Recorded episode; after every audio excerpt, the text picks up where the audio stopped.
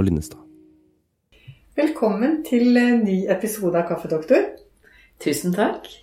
I dag har vi gjest med oss, Anne Kristine Bergem, som er psykiater. Kanskje du vil presentere deg selv litt mer med din gjøren og laden? Jo, det kan jeg gjerne gjøre. Men tusen takk for invitasjonen til å komme. Eh, jeg er jo psykiater, men jeg gjør eh, veldig mange ting. Eh, og det å være psykiater syns jeg er en fin sånn grunnutdanning. Og så har jeg fått lov å holde på med, med mye spennende. Og for tida så bruker jeg mest tid som fagrådgiver på Pårørendesenteret. Og jobber med pårørende og undervisning og rådgivning og nettsider og materiale til barn og unge og litt forskjellig og så har du skrevet bøker. Jeg har skrevet bøker for barn som pårørende. har jo vært en sånn sterkt interessefelt for meg i mange år. Så jeg syns det er veldig gøy å få bruke så mye tid på det nå. Og så skriver du masse dikt. Jeg skriver dikt, og jeg har mange ord inni, inni hodet mitt som jeg liker å få ut. Og så jobber jeg også litt i psykiatrisk forening. Det syns jeg er veldig spennende. å følge litt med på faget vårt.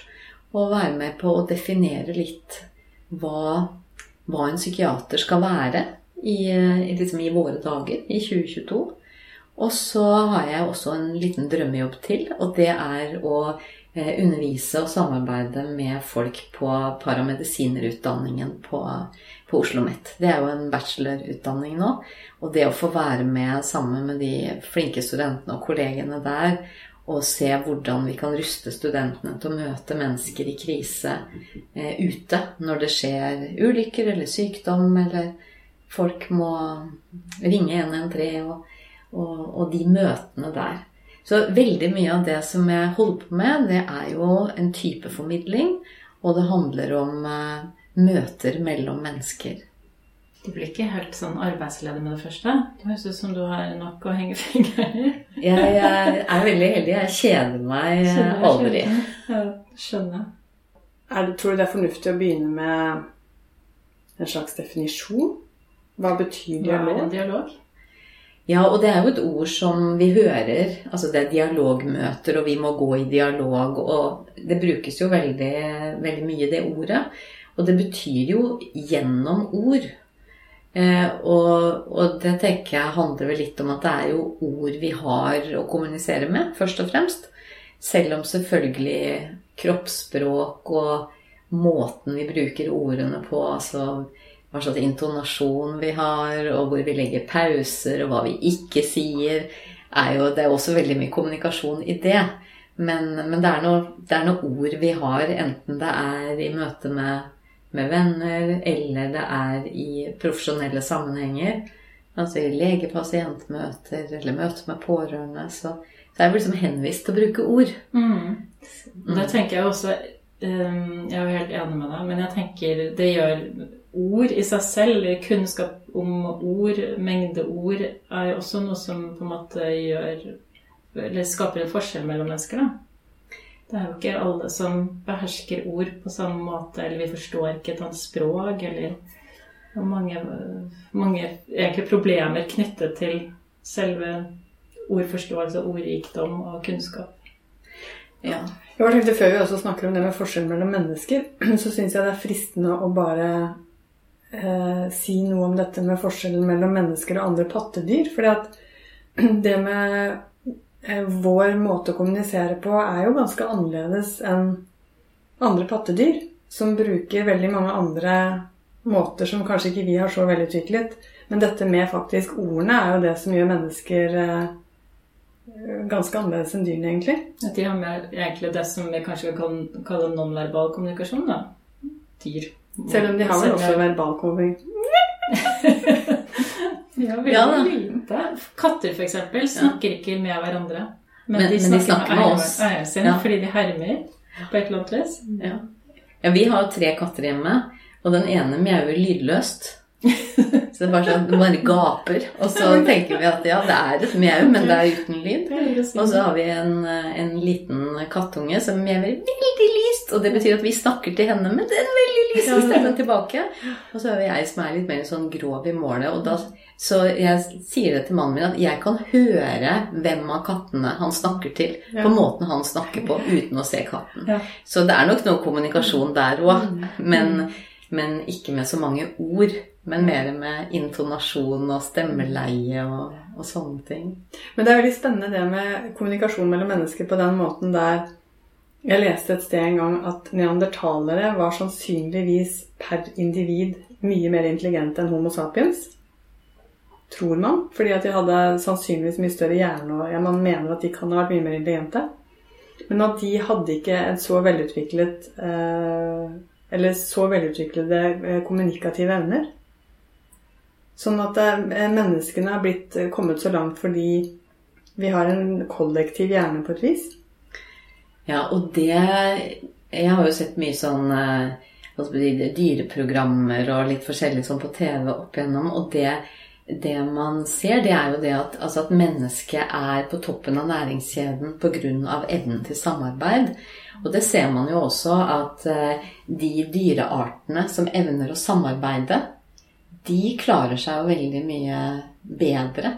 Fordi at de kan samarbeide om å fange et bytte, og de kan samarbeide om å forsvare seg. Så det er vel det. Og, og samarbeide får vi til hvis vi har en god dialog. Nettopp. Så da er vi tilbake til utgangspunktet. Det vi skulle snakke om. Skal vi gå litt eh, tettere inn på hva er en eh, god dialog? Det er en god samtale. Mm. Eh, Og da tenker jeg jo at det er litt tilbake til det som du sa, Kristin. At, at vi er jo forskjellig utrusta. Altså vi tre som sitter her, vi har, vi har lest mye. Vi har studert mye, så vi har, vi har alle tre ganske mange ord å rutte med. Men det er jo ikke, altså det er jo ikke alle som har det. Eh, Så jeg har ofte tenkt på det at når vi inviterer inn om det er pasienter da, eller brukere eller mennesker som på en eller annen måte må forholde seg til hjelpeapparatet, at vi kanskje har en sånn tanke om at bare hvis vi inviterer folk inn og har tid, eh, og liksom lar dem åpne munnen, så vil de fortelle oss hva de strever med. Som om det bare er å åpne opp munnen, og så kommer liksom ordene renne ut av munnen. Og tenker jeg, sånn er det jo ikke. Fordi at hvis du skal kunne sette ord på hvordan du har det, så må du jo For det første så må du ha ordene og språket inni deg. Eh, Og det betyr jo at du må kunne klare å sette ord på hvordan du har det. At du må gjenkjenne følelser, gjenkjenne smerte, gjenkjenne problemer og, og på en måte kunne da beskrive det med ord. Eh, Og da må du ha ordene. Og så kommer vi til det at du må faktisk ha lyst til å si de ordene. Så det er, jeg tenker det er så veldig Mange prosesser. Veldig, det er en lang prosess og mange ting som skal være på plass før vi kan få til en god, eh, en god samtale. Sånn hvis vi tenker mellom en, en lege eller en behandler og en, en pasient. Når vi snakker om eh, dette med å beskrive følelser Nå husker jeg ikke, er det ikke et eget begrep med mennesker som har vanskeligheter spesifikt med å sette ord på det? Jo, det tror jeg, men jeg skal ikke påstå at jeg husker hva det ordet er akkurat nå. Men, for de eh, kan vel mm. ofte ikke ha noe problem med å kommunisere om alt mulig annet, men akkurat når det gjelder følelser, så får de ikke helt til Jeg tenker at det er mange har, Jeg tenker det er kjønnsforskjeller også der. Jeg tenker at kvinner er mye, er mye flinkere til å sette ord på følelser. Jeg tror jo noen ganger kanskje vi i helsevesenet altså, bommer litt på menn. Vi vet jo at de ikke søker hjelp. Vi vet at de eh, tar imot hjelp kanskje dårligere enn det vi gjør. Eh, og jeg tror jo noen ganger det er manglende kommunikasjon. Vi greier ikke helt å få ut av dem hva det er de sliter med. Og de, noe av det skyldes kanskje at de rett og slett ikke Nå snakker jeg jo sånn på gruppenivå, da, men ikke gjenkjenner de følelsene av seg selv som sinne, som jeg holdt på å si eh, tristhet. Eh, de, de greier ikke helt å ta føle på det. Og hvordan skal de da på en måte kunne uttrykke det? Så har de heller vondt i ryggen. Mm. Ja, eller har vondt i ryggen. Jeg husker jeg også hadde en sånn litt eldre mann på kontoret en gang hvor som kom inn og vil gjøre en utredning, og syns egentlig ikke han feilte så veldig mye. Og var hyggelig og grei. og det var ikke så, Jeg fant ikke noe, da. Helt til kjæresten hans kom og var, var med på en time. Og så fortalte jo hun et helt annet bilde. Eh, og så fikk vi en samtale om det sammen, og så viste at han var jo deprimert. Men jeg hadde liksom ikke greid å fange det opp, for det var ikke det var, han, han, rapporterte ikke det jeg forventet at han skulle rapportere. Så liksom nei på spørsmål som er typiske depresjonsspørsmål. Um, men hans atferd hjemme ga jo veldig uh, et helt annet bilde, da. Og så er det vel også vanligere, for igjen snakke gruppenivå, eh, så er det vel vanligere for menn å ha en opplevelse av at de mislykkes hvis de hvis de sier at de trenger hjelp, eller hvis de ikke har det bra, eller at da føler de at de legger problemet over på noen andre, og da har de tapt. Ja, og selv om vi, altså vi lever jo i et av verdens mest likestilte land, og, og, det begynner nok å forandre seg, men det er jo ikke til å komme bort ifra at fremdeles er det vel gutter som får høre det fra de er ganske små, at gutter gråter ikke, og ta deg sammen, og det der er ikke noe å gråte for, og, og litt sånn. Og da, hvordan i all verden skal man utvikle et uh, språk for følelser eller kjenne på følelser hvis de aldri blir anerkjent under oppveksten? Da er det jo ikke sånn at du plutselig 30 år etterpå så kan du begynne å snakke om det. Så det er jo også en del av det der med å utvikle et språk her at det eh, altså jeg, jeg, har mange ganger tenkt på, på sånn Mowgli og Tarzan når man ser disse tegnefilmene og sånn. Så, så, går det jo på en måte bra i de historiene. De kommer liksom tilbake til menneskene. Men det ville jo aldri skjedd. Fordi at når du ikke har vokst opp sammen med mennesker og blitt speila og fått utvikla språk For det får Altså, sitter man i et kott, så får man jo ikke utvikla språk.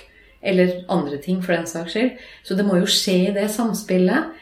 Så, sånn at jeg tenker at når mennesker da ikke har et språk for følelser, eller ikke har så, så, handler det jo om at det kanskje ikke har blitt anerkjent, og at de ikke har fått muligheten til å, til å utvikle det fra de er små.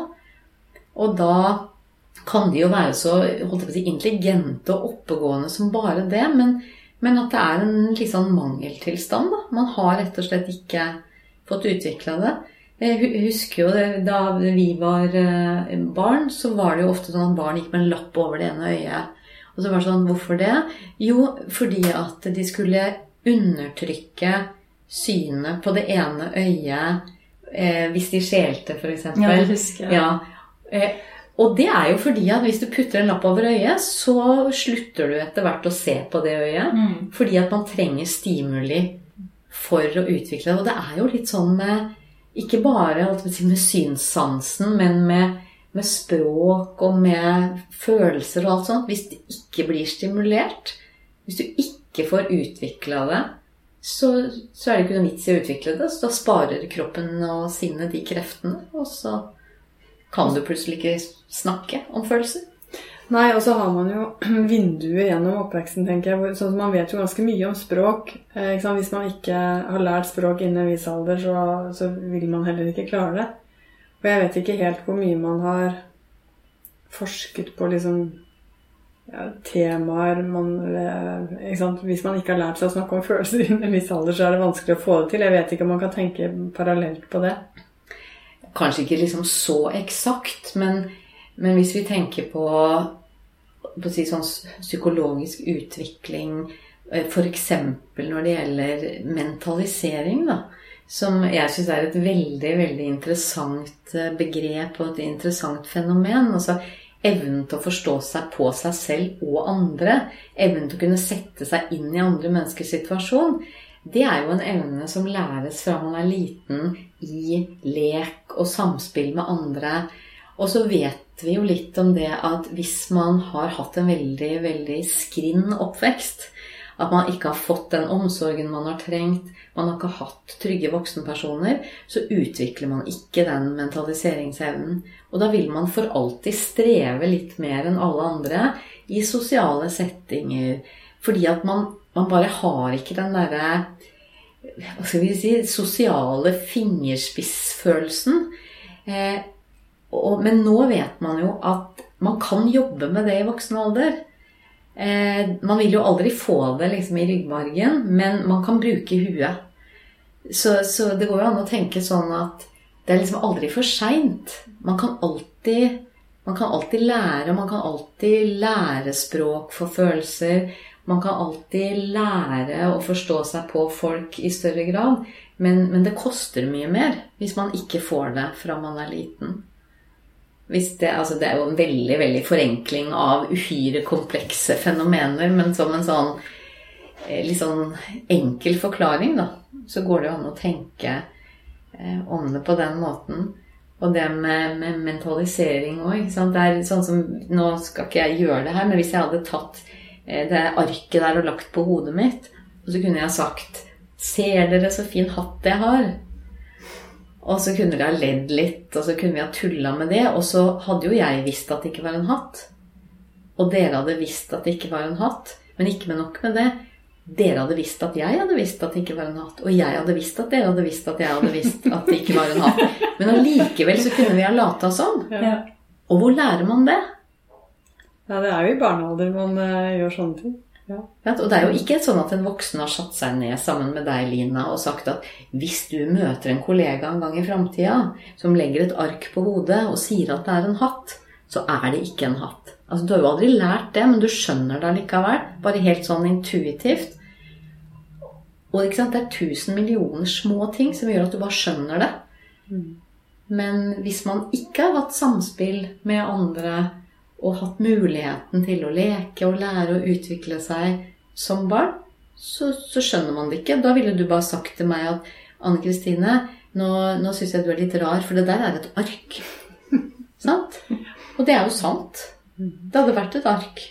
Men det viser jo også at kommunikasjon er samspill mellom det verbale, det vi sier, men også det nonverbale, det du gjør da, ved å putte det arket på hodet. Um, og så se litt lur ut ja, samtidig, man, ikke sant? Man bruker liksom ansiktsmimikk, man bruker kroppen sin, uh, og så bruker man huet, holdt jeg på å si, tenker, og snakker, bruker ordene. Så hvis du har liksom et handikap på en av de, et av de nivåene, så har du jo egentlig sånn, man, Alt skal på en måte passe med hverandre for at du skal få til en veldig god kommunikasjon. Mm. Og da tenker jeg på det med språk. da, Hvis du ikke kan språket, mm. så sliter du egentlig ganske mye med hele kommunikasjonsprosessen, selv om det egentlig kanskje i utgangspunktet fungerer godt både verbalt og nonverbalt i andre sammenhenger hvor du kan språket. da. Som behandler, og kanskje spesielt i psykiatrien, sikkert også som fastlege, mm. så tenker jeg jo akkurat den derre å møte folk som ikke kan språket så godt som vi kan, uh, er en stor utfordring. Jeg tror det er en veldig stor utfordring, og jeg tror at vi ikke har tatt det ordentlig på alvor. Eh, og når du sier alle disse her små tingene Det sies vel det at humor er noe av det siste mm. man lærer på et nytt språk. Fordi at det er, det er så komplisert. Eh, men jeg tenker på sånn når man, når man, møter mennesker som har en annen kulturell bakgrunn, en annen forståelse og oppfatning av hva sykdom er eh, Altså, vi, vi, kan for lite om det.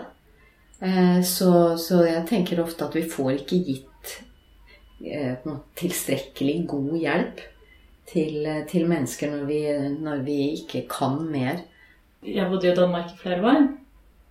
Og bare det der og som du sier, det med humoren er liksom det siste du lærer. Jeg følte meg bare så utrolig kjedelig. Det var liksom Ethvert forsøk på å komme med liksom en liten sånn hyggelig kommentar eller liksom følge opp en spøk eller noe sånt, så ble folk helt flakkende i blikket. Og så det var sånn Unnskyld, unnskyld. så skulle du si noe om igjen. Når jeg har sagt liksom samme tre ganger, så er den jo ikke morsom lenger. Så det var så utrolig dødfødt. Jeg bare merket hvor liksom tilbaketrukket jeg ble i forhold til hva jeg pleier å være.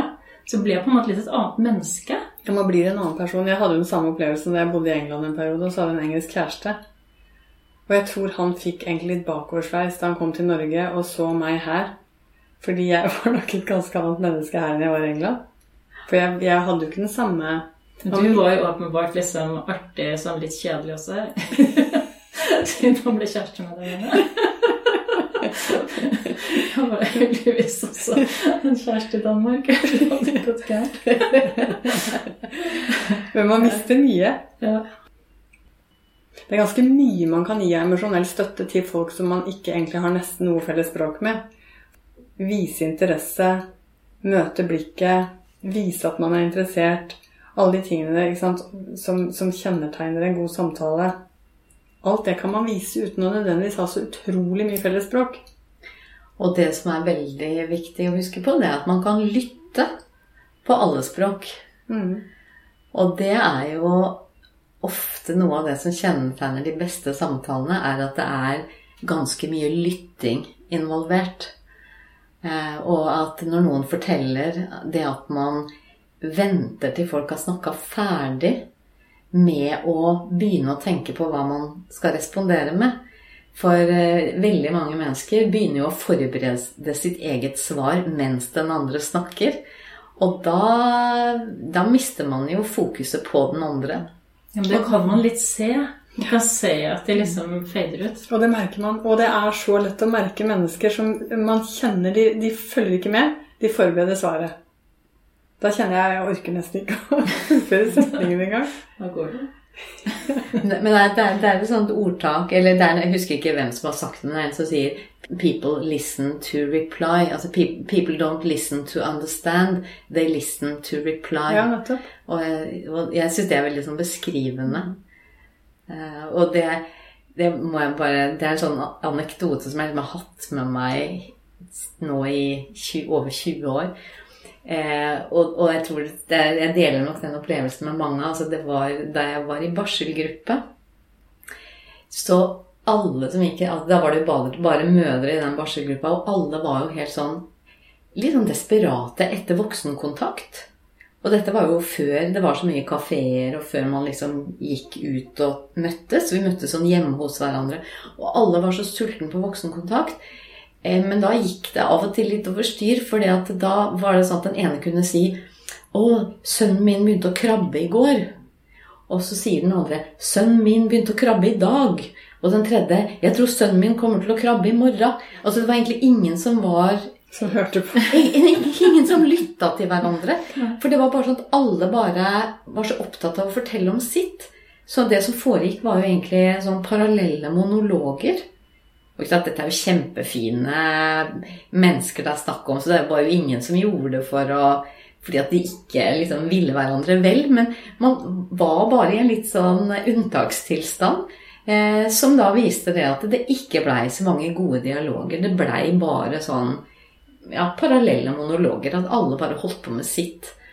Så det der, det man egentlig skal gjøre for at en samtale skal bli god, det er jo å si at 'Å, begynte han å krabbe i går?' Liksom, Så moro. Eh, hvor var han hen da? Når skjedde det?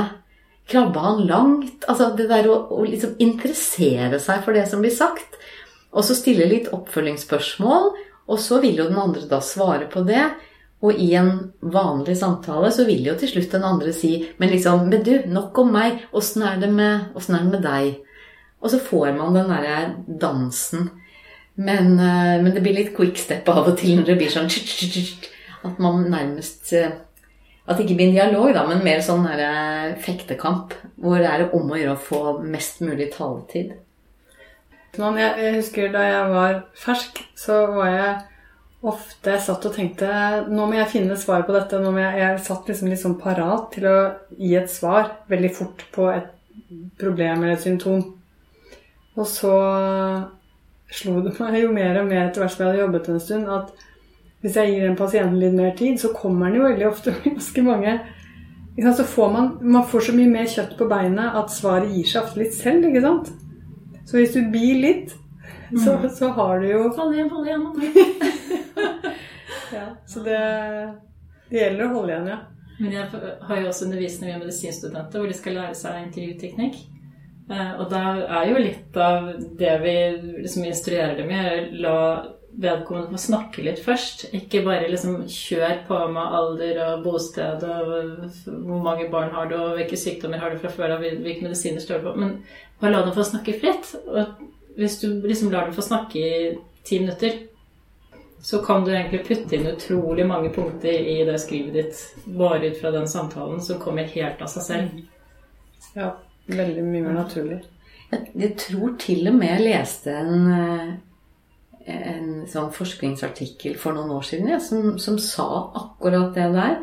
At man får mye mer informasjon ut av en åpen samtale enn ved å bruke et skjema. Og at skjema kanskje mer bør fungere som en, liksom en huskeliste eller I etterkant. sånn i etterkant. Det er også fordi du ofte kan komme innom et tema i Hvis du begynner å spørre veldig, så begynner, så begynner du å grave deg ned på feil sted. Så er det sånn Det kan gå ti minutter, så sier du bare sånn Ja, det var egentlig ikke derfor jeg kom, eller Dette er ikke så veldig Det er ikke det det handler om, det er noe helt annet. Og så har du på en måte styrt i feil retning helt fra starten av det. Det har slått meg med noe så enkelt som Madrs, ikke sant? Til da lytterne et sånt spørreskjema til i forbindelse med depresjon. Eh, hvor da er det jo på en måte slavisk spør, stille disse spørsmålene. Men der, det, alt det der inngår jo i en samtale. Hvis man snakker med en person som er deprimert, og egentlig bare har det skjemaet litt i bakhodet, så vil man jo komme naturlig gjennom alle de der Det trenger ikke være den rekkefølgen, liksom. Men um, det er jo noen ganger man plumper i det, da. Og dialogen faktisk blir bare kjempedårlig. Det er, hender nok eh, rett som det er. Eh, Og det kan jo enten så er det det at man faktisk ikke tenker seg om, og så plumper man ut med noe. Eller at man faktisk sier noe som man etterpå skjønner var helt feil. Eh, Og, og, og det det er jo Det er jo ikke sånn at man må være superekspert i dialog for å kunne snakke med folk. Og det er jo verre hvis man ikke prøver. Så, så det tror jeg må være en sånn ja, viktig ting å ha med seg, at man kan alltid si unnskyld. Ja, for det, er, det, opplever jeg at det er liksom veldig forskjellig. For noen mennesker er det veldig lett å si unnskyld, og for andre så sitter det utrolig langt inne. Ja, så, eh, vi studerte jo omtrent samtidig, og på den tida så var det veldig mange av våre forelesere som gikk rundt og snakka om alt som kunne gå galt. Eh, Jeg kan huske veldig mange som sa sånn Og det må du ikke gjøre, det må du ikke si, for da havner du i heisen. Jeg husker vi hadde en forelesning, en forelesning som startet med at foreleseren skrev på tavla C-Y-A. Og det var 'cover your ass'. Det var budskapet i den forelesningen. Ja, og jeg tror at vi er mange som har blitt litt sånn opplært til det. At man, altså at man må ikke gjøre feil. Og hvis vi Sånn tilbake til ting vi har snakka om før. altså hvis, hvis det er det vi lærer, at du må for all del ikke gjøre feil, så blir det jo veldig vanskelig å innrømme det fordi at man blir så redd for konsekvensene. og? Man lager seg jo en enorm fallhøyde. Men det som er fint, det er at det går an å øve seg på å bli veldig På å bli god på å si unnskyld. Eh, Jeg har måttet jobbe masse med det, for jeg er litt sånn redd for å gjøre feil. Altså sånn at Jeg vil så gjerne at ingen skal være sinte på meg, at ingen skal være sure på meg, og at jeg skal liksom gjøre det som er rett. Og så går jo ikke det, sant? Og så gjør man noe feil, og så blir det fælt. Men det der å øve seg på å si Vet du, du har helt rett. Der gjorde jeg en skikkelig bommert. Det var ikke meningen. Vet du, det er jeg veldig lei meg for. Og så er jo erfaringen det at folk blir Altså, folk er stort sett veldig hyggelige og veldig takknemlige. Sånn at de fleste trenger jo ikke noe mer enn en at du sier unnskyld, så sier de ja, ja, det kan skje den beste. Jeg husker med en gang da jeg jobba på akuttavdeling, så hadde jeg Ja, det var jo travelt. Og jeg hadde altså satt sånn gul tusj på feil sted i medisinkardex. Så det var en pasient som ikke fikk den medisinen han skulle ha. Og det, det ble oppdaga heldigvis ganske fort, så han rakk ikke å bli dårlig. Men da gikk jeg til han og så sa jeg, vet du, beklager, men jeg har også bare kløna det til. Jeg var ikke nøye nok, så jeg har gjort en feil. Og så kikker han på meg og så sier han, det kan skje den beste. Og, det, og etterpå så har jeg jo også lest det at at det er visst ikke så dumt for alliansebygging heller å gjøre noen Forhåpentligvis ikke sånne grove feil, da, men å kanskje si noe feil eller plumpe ut med noe eller gjøre et eller annet som ikke er så bra, eh, tidlig. Også be om unnskyldning. at det til og med kan styrke alliansen. Fordi at man viser seg som et menneske, og dermed da et medmenneske, istedenfor å forsøke så hardt å være en type ufeilbarlig ekspert. Man blir jo på en måte Ja, man blir mer menneskelig, da. Så det blir jo For det har vel også vist seg sånn jo mer menneskelige sider behandleren viser til pasienten, eh, jo bedre blir alliansen. Den derre avstanden og litt sånn dehumanisering som jeg tror kanskje var mer vanlig før. Jeg tror de fleste terapeuter i dag vet at det er viktig, da. Eh, men ved å være menneskelig så er det jo feilbarlig. Eh, og det takler pasientene veldig veldig godt. Det de ikke takler så godt, er jo at vi gjør dumme ting og ikke vil vedkjenne oss det. Ja, og jeg tror at vi, vi burde egentlig, altså apropos medisinstudenter og studenter og sånn, så burde vi jo egentlig undervise om hva gjør vi når vi gjør feil, istedenfor sånn ikke gjør feil. For at det kommer til å skje.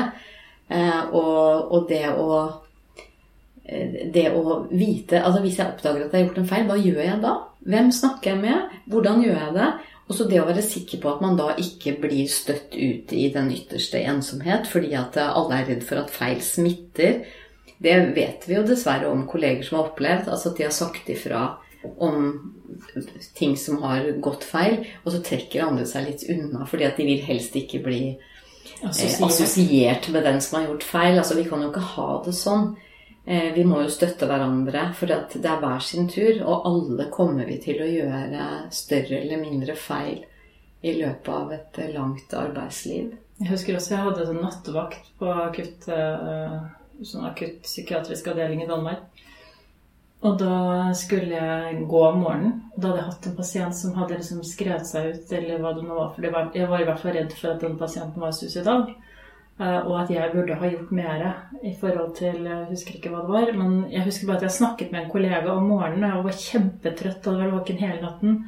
Eh, Og så fortalte jeg henne historien, og så sa hun sånn Kristin, du må huske på at sånn, uansett hva som skjer, så har du virkelig gjort det beste du kunne i den situasjonen du sto i, og det er ingen som kan kreve noe mer av noen mennesker. Uh, og det var, det var sånn som det senket seg sånn ro over meg. Så tenkte jeg jeg gjorde faktisk det beste jeg kunne. liksom. Det kan godt hende jeg skulle gjort Hvis jeg hadde vært et annet menneske, gjort noe annet uh, som hadde vært bedre. Men det var det beste jeg kunne gjøre. Uh, og så greide jeg liksom å slippe taket i den sånn uroen. Det var sånn god, god kollegial støtte. Ja, det er veldig viktig. Og så tenker jeg det at eh, sånn i det eksempelet du bruker, at hvis eh, du nå faktisk ikke hadde gjort alt du skulle, og det hadde skjedd noe med den pasienten, så hadde det jo vært enda viktigere at du fikk støtte av noen. Fordi at du ville jo ikke ha gjort en feil fordi du er et ondt menneske, men fordi vi er feilbarlige mennesker.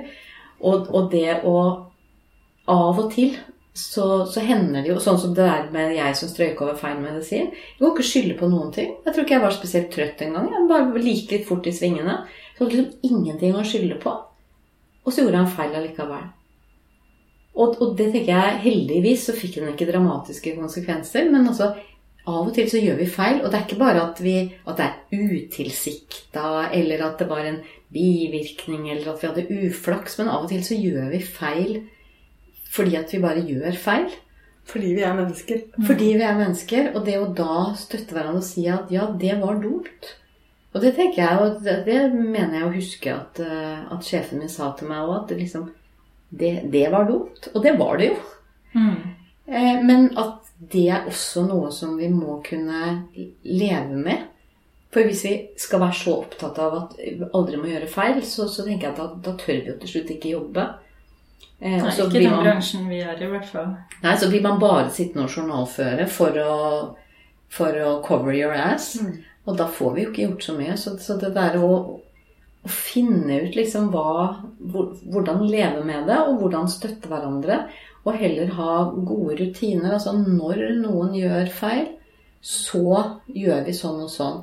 Og det å da f.eks. Gå, gå rett til pasienten og innrømme at man har gjort en feil, og be om unnskyldning, det er jo et godt sted å starte. Men der også opplever jeg dette med eh, Vi har snakket noen ganger tidligere om det med kontinuitet eh, i fastlegesammenheng. For at, sant, det har jo hendt at 'Å nei, jeg har glemt å sende den henvisningen', eller Og det å da ha en langvarig relasjon med en pasient gjør det utrolig mye lettere å kunne si 'Vet du hva, jeg er så lei meg, men det der kom bort for meg'. Ja, og det, det tenker jeg at eh, det er jo litt sånn undervurdert, tenker jeg, i helsevesenet, det med kontinuitet. Og hvis vi ser på liksom vår spesialitet, altså i psykisk helsevern, hvor man kanskje har én lege ute, én en i akuttmottaket, én på neste avdeling, én på neste avdeling, og så skrives ut til noen på DPS etterpå. Det er, jeg er imponert jeg, over de pasientene som orker å fortelle historien sin til nye mennesker måtte, kanskje fem ganger på et halvt år. Eh, Så der tenker jeg også at det hadde vært interessant å utforske måte, andre måter å organisere tjenestene på. Jeg, altså, jeg har ikke noe måte, fasitsvar på hvordan det kunne blitt gjort, men, men sånn som vi organiserer det nå, er jo ikke for pasientenes skyld. Nei, Jeg har ikke talt mange pasienter jeg har hatt som nettopp pga. det ikke orker henvisning til spesialisthelsetjenesten. Fordi de orker ikke for n-te gang å fortelle historien sin. Hvis du tenker på akuttpsykiatrisk avdeling Eller jeg har vært med på beltelegging mange ganger. Legge pasienter sånn, Egentlig binde dem fast da, eh, når de er urolige. Eh, Og så har det skjedd i løpet av en vakt, og så går de hjem fra vakt, og så ser du ikke den pasienten på tre dager. Eh, Og da jeg jobbet på akuttpsykiatri, så hadde vi i hvert fall ikke noe Ikke på noen av de avdelingene jeg har vært, så hadde vi hatt, hadde vi noe sånn uh, Det å gå tilbake til pasienten dagen etter for å snakke om det som hadde skjedd. Rett og slett ha en dialog om hva var det som foregikk. Uh, Og det har man vel begynt med noen steder, at du har en slags debrief dagen etter med den personen, eller de personene som faktisk var med på å legge deg i belter. Jeg tenker Egentlig så er det så absurd at vi ikke har gjort det før. Ja, det, det bør jo være en selvfølge. Ja, fordi du, jeg tenker sånn uansett om du uh, jeg, jeg, jeg er ikke imot beltelegging. Uh, jeg skulle ønske at vi slapp det, men noen ganger så må man bare beskytte både pasienten og seg selv mot uh, farlig utfall. Men at vi med vår kunnskap om hva det vil si å frarøve folk retten til å bevege sin egen kropp, det jo en, burde jo være en menneskerett, eller vi fleste av oss opplever det som en menneskerett. Eh, også at vi ikke liksom har debrifet om det etterpå, ikke sett på det som et traume. For jeg tenker det er jo et traume. Det er jo åpenbart et traume, Ja. og et traume på en allerede traumatisert pasient. Ofte, en, ja, ofte så er det jo det, ikke sant? Og da har jeg tenkt sånn, hva, hvorfor, har, hvorfor har det tatt oss så lang tid å skjønne at den samtalen, den dialogen med det mennesket er helt essensielt for å komme videre og for å opparbeide tillit, da. For tillit er jo helt sånn grunnleggende. Ikke bare i vennskapssamtaler, men også i behandlersamtaler. Ja, jeg tenker uten Altså uten trygghet og tillit så er, det, er det mulig å gjøre noe fornuftig arbeid med egen helse hvis man ikke er liksom helt sikker på at de rundt vil en vel. For, for, for det tenker jeg at når du, når du er i krise, så hender det at man må gjøre altså, ja, ha noen type restriksjoner eller utøve tvang, dessverre. Men det er liksom det vi, vi har å by på. Men, men å, å liksom tenke at det At liksom Ja, nå er vi ferdig med det. Nå går vi videre. Og det skjønner sikkert den personen i er morgen. jo helt, jeg er helt enig med deg. Så det er sånn Hvorfor i all verden har man ikke liksom satt det i system før? Når Men- var det man startet med det er ikke mange årene siden. Nei, jeg tror det er sånn fem år siden, kanskje. eller? Kanskje noe sånn, Det var noe revidering av lovverket, og da kom det inn at det er nå skal man gjøre det. Det er lovfesta. Det skulle bare mangle. Men det er en del eh, bare Når vi snakker om dette, så kommer jeg på en annen ting også som jeg måtte stadig bli mer opptatt av. At hvorfor er det ikke sånn at vi som jobber i helse, eller vi kanskje hjelpeapparatet, hvorfor klarer vi ikke alltid å gi folk en opplevelse av at de har gjort det rette når de tar kontakt med oss?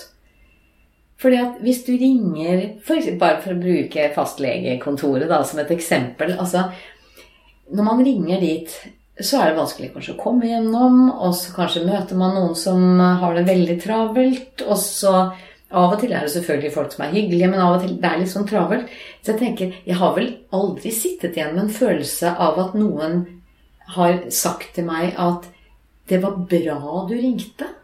Det var bra du bestilte time.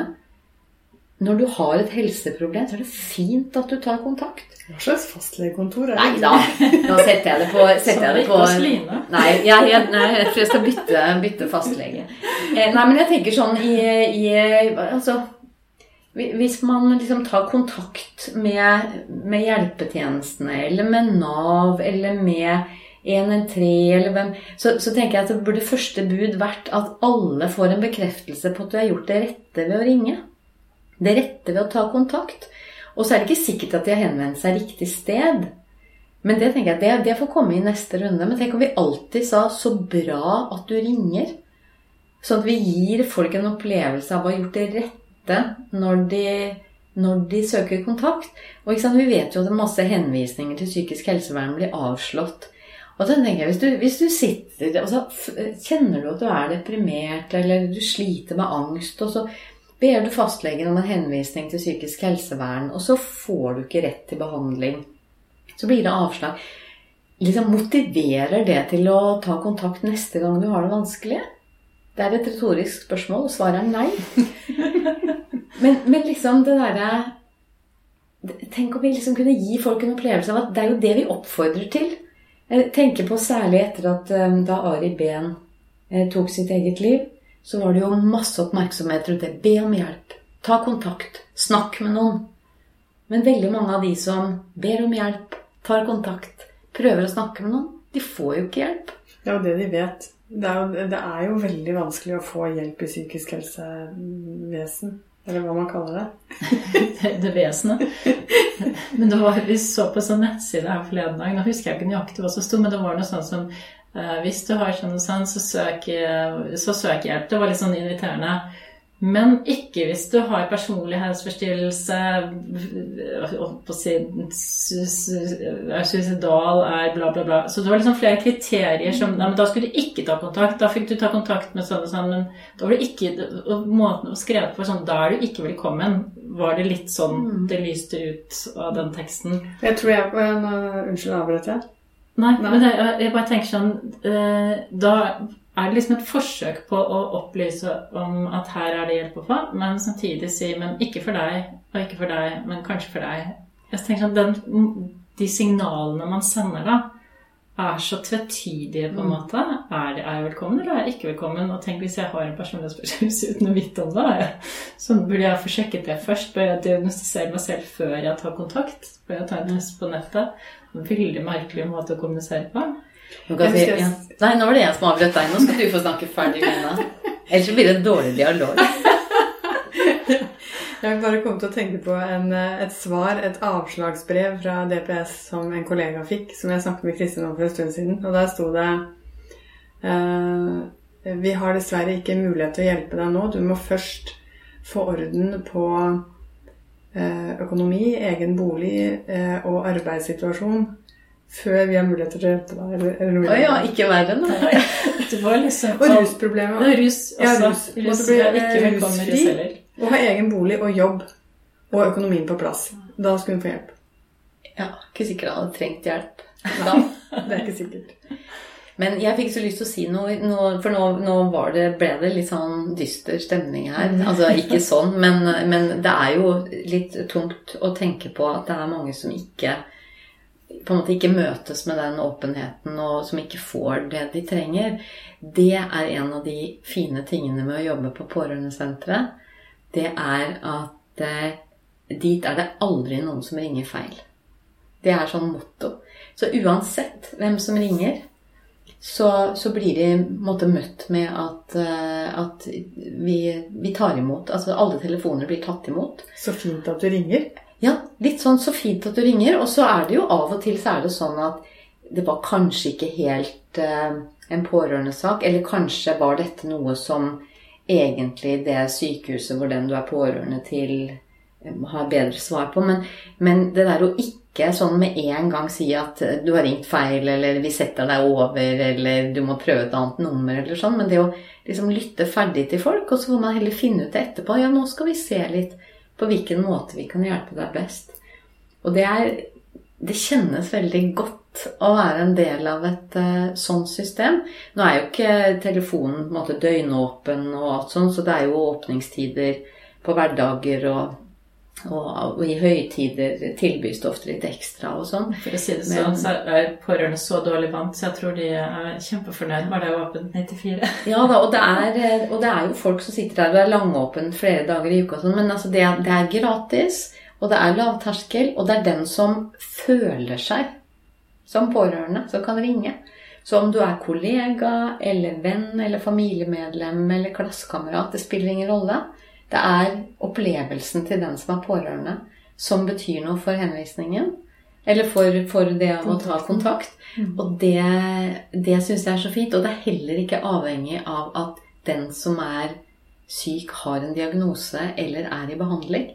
For det er hvordan du opplever sånn at det, det, kjenner jeg liksom at altså, gjør noe med meg på en positiv måte. Å være et sted hvor, hvor man er så liksom på tilbudssida. Litt sånn service-minded, selv om jeg ikke skal bruke sånne business-metaforer. Men eh, det handler jo litt om det, å være vise at sånn du er til for Ja, jeg er til for deg, for å hjelpe deg. Mm. Jeg er interessert i det du har å si. Ja. Mm.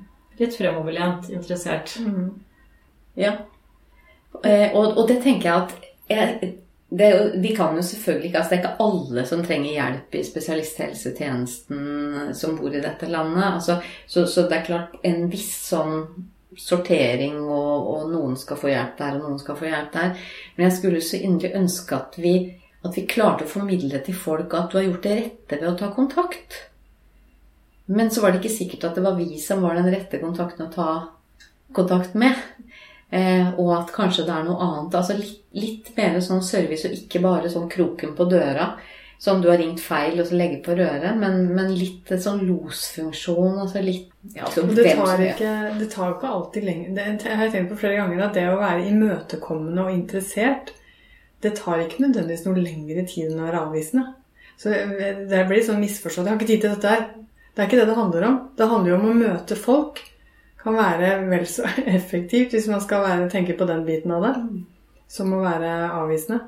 Ja, og så er man en, del av et større hele. Vi, vi jobber jo med å få på plass sånn tipstelefoner, altså lavterskeltelefoner for uh, pårørende og pasienter og andre som er bekymret for om noen utvikler psykose. Og hver gang det skal opprettes en sånn telefon, så er helsevesenet utrolig redd for at de skal bli nedrent av telefoner. De tror at de, vil velte inn rett og slett med telefoner. Uh, og det har jo aldri skjedd. Noen av de stedene hvor man faktisk har opprettet et sånt tilbud, det er jo ikke så mange som går rundt og mistenker at noen er psykotiske hele tiden, tross alt.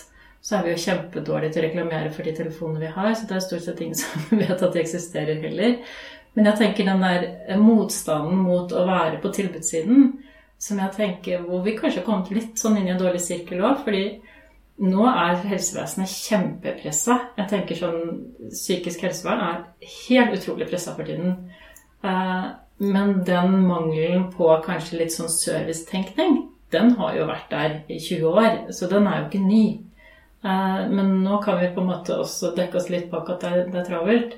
Men jeg mener at man må kunne utvise liksom et minimum selv om det er travelt. Og så må vi heller løfte opp at vi til syvende og sist kommer til å mangle funksjoner da, fordi vi ikke har penger til dem. Men da må det løftes et annet sted, og ikke på en måte legges på pasienter og pårørende som faktisk eh, kommer og søker hjelp. Tenker Vi må kunne opprettholde en eller annen form for god dialog mm. med, med folk, da. Ja, og jeg tror jo at litt sånn som det er å ha telefoner, altså folk kan ringe Eh, og, og rådføre seg. Eh, altså bare sånn Nå har dette oppstått. Hva, hvor kan vi ringe? Altså Hvis vi hadde den der litt sånn servicetanken, så kan det jo godt hende at vi fikk avslutta eller funnet ut at folk egentlig ikke trengte spesialisthelsetjeneste, men at de faktisk kunne ta kontakt med en frivillig organisasjon. Altså Det fins utrolig mye i dette samfunnet. Eh, og folk, eh, når, når, det er folk som ringer 113 fordi de er ensomme, så, så, sier jo ikke det noe annet enn at det er et litt sånn stusslig samfunn. Eh, hvis ikke folk har vet om hva som fins av andre tilbud. Jeg tror vi kunne fortsatt å snakke om dette det er jo et utømmelig tema. Det er det, men vi skulle vel kanskje runde av. Det kan eh, fort hende at eh, vi har snakka lenge nok nå. I denne omgang. Kanskje vi heller kan få invitere deg igjen? Jeg kommer tilbake. Vi gjerne snakke om barn som eh, pårørende. Ja. Det kommer jeg veldig gjerne Ja. tilbake og snakker om. Det blir et tema en annen gang. Da sier vi takk. Tusen takk til deg, Anne Kristine. Takk for meg. Så ses vi igjen.